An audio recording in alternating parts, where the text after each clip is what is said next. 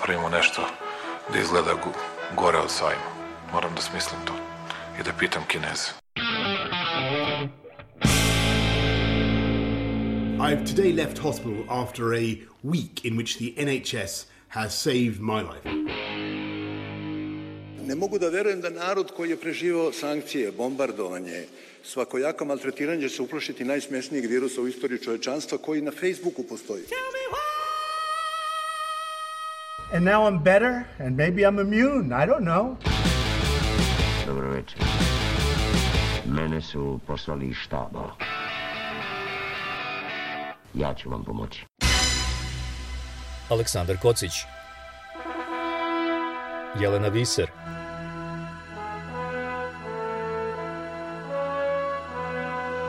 Radio Karantin Hronika istorije u nastajanju Prošlo je dve godine od kako je koronavirus stigao u Srbiju, gde je dočekan uz rakijicu i beli luk. Svi se sećamo one famozne pres konferencije u vladi Srbije na kojoj smo od osobe koja se izdaje za lekara čuli da je reč o najsmešnijem virusu na svetu, uz kikotanje predsednika države i članova vlade.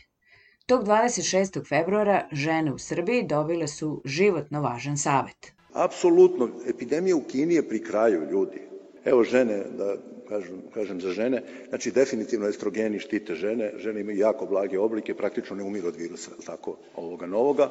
Prema tome što se žena tiče, vi slobodno u shopping, u Italiju, čujem da će sada bude veliki popustiće tamo da budu, pošto niko živi neće dođe, ili tako, u Italiju. I onda smo za samo par nedelja stigli do vođinog dobro uvežbanog durenja. I nema više da me pitate kako nabavljam respiratore. Ja sam kriv, gonite mene. Evo, nabavio sam još 50 jutro, sa nigde vam ne piše nabavka. I šta vas briga kako? Snalazim se. Nakon čega se drama pretvorila u kuknjavu. Neće nam biti dovoljno kompletna nova bežanijska, bežanijskog kosa groblje, kompletno lešće, novo groblje, centralno groblje. Biće malo da primi sve nas.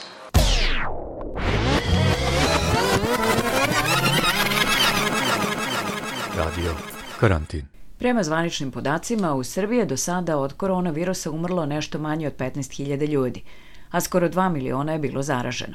Međutim, prošle godine je mreža za istraživačko novinarstvo BIRN objavila da je broj umrlih zapravo daleko veći, pa se država pravdala različitim metodologijama kojima se koriste u vođenju evidencije, a premijerka Brnabić kategorično je demantovala da je država manipulisala brojem umrlih.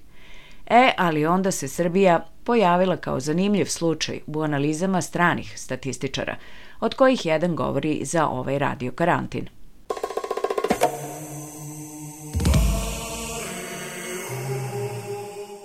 U svetu je do sada od koronavirusa umrlo skoro 6 miliona ljudi, što je broj do kojeg se dođe kada se saberu zvanični podaci iz pojedinačnih zemalja. Međutim, naš današnji gost, statističar sa Univerziteta u Tubingenu u Nemačkoj, Dmitri Kobak, tvrdi da je broj daleko veći. On svoju procenu zasniva na uporednoj analizi zvaničnih podataka i broja prekomernih smrti, broja smrtnih slučajeva iznad ili ispod nekog proseka iz prethodnih godina. Metodologiju koju su razvili on i kolega iz Izrela sada koriste mnoge druge organizacije koje prate smrtnost od COVID-a. Dmitri Kobak je gost današnjeg radio karantina. Radio Karantin Kako ste odlučili da istražujete broj umrlih i proveravate zvanične podatke? It's not really my my main job. I'm I'm I'm doing other things here, working in in neuroscience and I'm not a demographer. To nije moj osnovni posao, ja radim u neurologiji, nisam demograf, ali sam od samog početka pandemije posumnjao u zvanične brojeve koji su stizali iz Rusije. U medijima je bilo puno pokazatelja da Rusija ne prijavljuje stvarno stanje stvari, ali ipak čvrstih podataka o tome nije bilo. Istovremeno, Rusija je veoma dobra sa prijavljivanjem ukupnog broja umrlih, tako da se brojevi prekomernih smrti po različitim regionima vrlo lako vide. Što se COVID-a tiču u aprilu-maju 2020. niko još nije radio detaljne analize prijavljenih brojeva. Počelo se sa analizama prekomernih smrti u Italiji, Španiji ili Engleskoj, ali niko se nije bavio Rusijom. I onda sam ja iz radoznalosti počeo da pratim broj prekomernih smrti u Rusiji – pa sam stupio u kontakt sa Arielom Javlinskim koji je prikupljao podatke o umrlima od covid na globalnom nivou i počeli smo da sarađujemo. Zašto je prekomerna smrtnost važan pokazatelj? U Britaniji se, na primjer, svaka smrt koja je nastala u roku od 28 dana nakon pozitivnog testa na COVID vodi kao smrt od COVID. U Holandiji broje samo umrle u bolnicama sa pozitivnim testovima, a u susednoj Belgiji i one koji su umrli kod kuće i za one koje se na osnovu simptoma samo sumnja da su imali COVID. Da li problem nastaje zbog toga što zemlje koriste različite kriterijume? There's a concern that the official numbers that that countries uh, that countries publish can't be in some cases can't be trusted in some cases can't be compared Postoji zabrinutost da se zvaničnim brojevima koje neke zemlje prijavljuju ne može verovati, ali takođe postoji problem kako upoređivati podatke ako zemlje koriste različite kriterijume. U Britaniji se računa do 28 dana od pozitivnog testa. U nekim zemljama se testovi ne uzimaju u obzir, već se samo računa sumnja da je neko imao COVID. Pacijent imao kliničku sliku koja odgovara COVID-u, ali iz ko zna kog razloga nije testiran. To možda nije bitno danas, ali je bilo veoma bitno pre dve godine. U svakom slučaju imamo različite kriterijume. Osim toga, sada kada imamo Omikron, bit će više onih koji slučajno imaju COVID, ali umiru iz drugih razloga. Zato sada u eri Omikrona prekomerne smrti postaju ponovo veoma važne, jer sada možemo da imamo prevelike procene o broju umrlih od covid u zemljama kao što je Britanija. U Rusiji se pak u obzir uzimaju samo oni sa pozitivnim PCR testom, iako ima puno umrlih koji nisu testirani. Šta nam tačno govore brojevi o prekomernim smrtima? excess deaths tell us how many people more are dying now compared to what we would expect, right, based on the on the previous years. Prema njima možemo da vidimo koliko više ljudi je umrlo ove godine u odnosu na prethodne. I to nam je onda objektivan pokazatelj koliko je negde situacija zaista loša u poređenju sa normalnom. I tu spada sve. I povećan broj umrlih od covid ili od drugih bolesti jer je zdravstveni sistem preopterećen, ali i pad broja umrlih od nekih bolesti, na primjer od gripa zbog karantina i tako dalje. Ako neko umre od raka zato što u preopterećenom zdravstvu nije mogao na vreme da dobije diagnozu ili tretman, da li je to onda smrt izazvana COVID-om? Yeah, I would say yes, but this is a matter of definition then I guess we the important thing is that the excess mortality is not able to to to Ja bih rekao da jeste, ali dobro, to zavisi od definicije. Ovde je važno naglasiti da prekomerna smrtnost ne može da razlikuje te situacije. Ali ako gledamo situaciju po zemljama, uzimajući obzir samo karakteristike jedne određene zemlje, onda možemo da izvedemo preciznije zaključke. Na primjer, možemo da gledamo zemlje i vremenske periode za koje znamo da u toj zemlji nije bilo prenošenja zaraze, odnosno da je bilo, ali u veoma malom broju, kao na primjer u Australiji 2020. Ima puno takvih mesta. Ako gledamo takve zemlje gde su mere protiv covid bile veoma stroge, nošenje maski, karantini i slično, a zaraza bila na niskom nivou, vidjet ćemo da je smrtnost drastično opala. To su u 2020. Australija, Novi Zeland, Urugvaj i još neke zemlje gde je prekomerna smrtnost negativna, jer je opala smrtnost i od drugih respiratornih bolesti kao što su grip ili prehlada. Onda imamo zemlje gde prekomerna smrtnost vrlo konzistentno prati broj umrlih od covid kao što su Belgija ili Peru. To su zemlje koje su imale jak tala smrtnosti od covid i kod njih prekomerna smrtnost ide korak u korak, iz nedelje u nedelju. Takvi slučajevi nam potvrđuju da je COVID primarni uzrok smrtnosti, a ne to što, na primjer, pacijente od raka ne dobijaju tretman zbog COVID-a. E, onda imamo zemlje kao Velika Britanija, gde je prekomerna smrtnost u prvom talasu u aprilu 2020. bila mnogo veća nego smrtnost od covid -a. To nam ukazuje prilično pouzdano da u tom periodu nije rađeno dovoljno testova. I da li je onda vaš zaključak da je na globalnom nivou broj umrlih veći od onog što je prijavljeno? Yes, definitely, because there are many places in the world that that don't that are either not able to count uh, COVID deaths, like many poor countries, developing countries in Africa. There is Da, definitivno, jer ima puno zemalja koje nisu u stanju da precizno broje smrtne slučajeve. U Africi, pre svega, nije slučaj da oni nešto pokušavaju da sakriju, nego nemaju uslove da precizno izbroje, pre svega jer nemaju dovoljno testova. Zato je za te zemlje, kao i na primjer za delove Indije, nemoguće utvrditi pouzdano broj umrlih, pa je samim tim nemoguće doći i do globalno pouzdanog broja. Ipak, Kobak i Arlinski zaključuju da je broj umrlih negde oko 6,5 miliona na globalnom nivou, dakle 1,6 puta veći od zvaničnog. Kobak dodaje da od zemlje do zemlje ima velikih razlika i izdvaja Srbiju kao posebno zanimljiv slučaj. Zašto? So Serbia first has a very high excess uh, death rate. It's one of the top countries in the world by excess deaths per 100,000. Ako pogledamo Srbiju, prvo ćemo videti da ima veliki broj prekomernih smrti, jedan od najvećih na svetu na 100.000 stanovnika. Imamo podatke za Srbiju za period do kraja 2021. Dobro je što se ti podaci objavljuju bez velikih kašnjenja i reklo bi se da su pouzdani.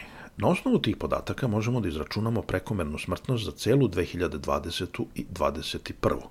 I dobijamo 750 na 100.000, što znači da je gledano po ukupnoj prekomernoj smrtnosti od covid umrlo 0,75% kompletne populacije, što je drugi najveći broj umrlih na svetu posle Bugarske, a slično Rusiji.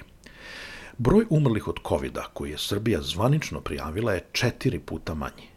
Mislim da je ovo najveća razlika u Evropi. Veća razlika od oko 10 puta uočena je u Tadžikistanu, Uzbekistanu i Egiptu. U Bugarskoj je zvanični broj dva puta manji, u zemljama kao Francuska, Nemačka ili Britanija jedan ili manje od jedan. Ako pogledamo dve krivulje iz meseca u mesec, broj umrlih od covid i broj prekomernih smrti, vidimo da one idu paralelno. I kako objašnjavate tu razliku? So I know nothing about the situation in Serbia with, with this reporting. I, I know this better for, for Russia. Ja ne znam ništa o tome kako se u Srbiji prijavljuje broj umrlih od covid -a. Ovo ukazuje da je način brojanja možda neadekvatan, da nema dovoljno testova i slično ali moj osjećaj je da to nije slučaj, jer teško da to može da dovede do ovolike razlike od četiri puta. To je prevelika razlika. U Bugarskoj je, kao što sam rekao, taj broj 2 i to je lakše objasniti. To ukazuje na teoretsku mogućnost da se brojevima umalih od covid svesno manipuliše. U Rusiji znamo da se to definitivno dešava u pojedinim, ne u svim regionima. Na primjer, kao uzrok smrti može da se navede upala pluća, bez da se kaže šta je dovelo do te upale pluća. Kod zemalja gde je ta razlika između zvaničnog broja umrlih od covid i prekomernih smrti baš velika, mislim da nema drugog objašnjenja nego da je reč o manipulaciji. Tadžikistan, Uzbekistan, Nikaragva, Alžir, Belorusija. Dakle, sve su to autoritarne zemlje koje pokušavaju da se prikažu kao veoma uspešne u borbi protiv pandemije. Kod tih zemalja je prilično jasno da prijavljeni broj umrlih nema veze sa realnošću. Ponavljam, ne znam tačno šta je razlog ovolikog neslaganja u Srbiji. Ima tu još jedna stvar. Kad pogledamo broj umrlih koji je u nekoj zemlji prijavljen na dnevnom nivou, tu bi se onda očekivalo da taj broj varira. Ako je danas bilo 100 umrlih, sutra može da bude 110, pa preko sutra 75, pa onda ne znam 105 i tako. Znači, uvek ima fluktuacija – ali te fluktuacije ne bi smele biti manje od onoga što se dobija kada se na prosečan broj umrlih primeni ono što se zove Poissonova distribucija. Znači, ako je prosek umrlih 100 dnevno, onda varijacija na dnevnom nivou ne bi smela da bude manja od 10. Znači, u jednom danu možemo očekivati 90 umrlih ili 110 i tako dalje. I to je upravo tako kod većine zemalja u svetu, gde su te razlike čak i veće. Na primjer, tokom vikenda zemlje prijavljuju manji broj umrlih, pa onda taj broj od ponedeljka skoči, pa isto važi i za broj zaraženih, pa onda broj umrlih raste kako odmiče sedmica. I to je upravo u skladu sa poslovnovom prognozom. Ali ima zemalja gde to nije slučaj. U Rusiji je bio period od nekoliko meseci kada su prijavljivali 795, pa 796, pa 794, pa 797. To je apsolutno nemoguće. Tako nešto smo imali i u Srbiji i to su mnogi ljudi primetili. Interesting. So one can turn this into into a statistical test um, that would detect this what I call under dispersion in these reported values. Zanimljivo. To može da se podvrgne statističkim testovima i da se proveri, da se utvrdi takozvana disperzija i da se vidi koje zemlje nemaju normalne variacije u broju umrlih. Srbija je jedna od tih zemalja. Rusija još jedna i na mojoj listi ima dvadesetak takvih zemalja kod kojih se to dešavalo tokom više nedelja, pa čak i u poslednja tri meseca 2021. Za to ne postoji nikakvo benigno objašnjenje. Ako se to dešava, onda, po mom mišljenju, možemo biti skoro sasvim sigurni da su ti brojevi izmišljeni i da je neko odlučio da ne objavi prave brojeve umrlih. Ja ne vidim drugo objašnjenje osim namerne manipulacije brojevima. Radio karantin. Bio je to statističar sa Univerziteta u Tubingenu Dmitri Kobak. U sledećoj emisiji Radio Karantin traže odgovor na pitanje da li je moguć razgovor vakcinisanih i nevakcinisanih ili smo se podelili u nepomirljive tabore. Čućete šta o tome misle vakcinisana doktorka i nevakcinisani muzičar. A što se podela i tabora tiče, ima i ona da li Radio Karantin finansijski podržati jednokratnom uplatom preko Paypala ili redovnim donacijama preko Patreona. Mišljenja su podeljena. Vi donesite informisanu odluku što se ono kaže. Sve informacije su na našem sajtu radiokarantin.eu. Veliki pozdrav. Aleksandar Kocić Jelena Viser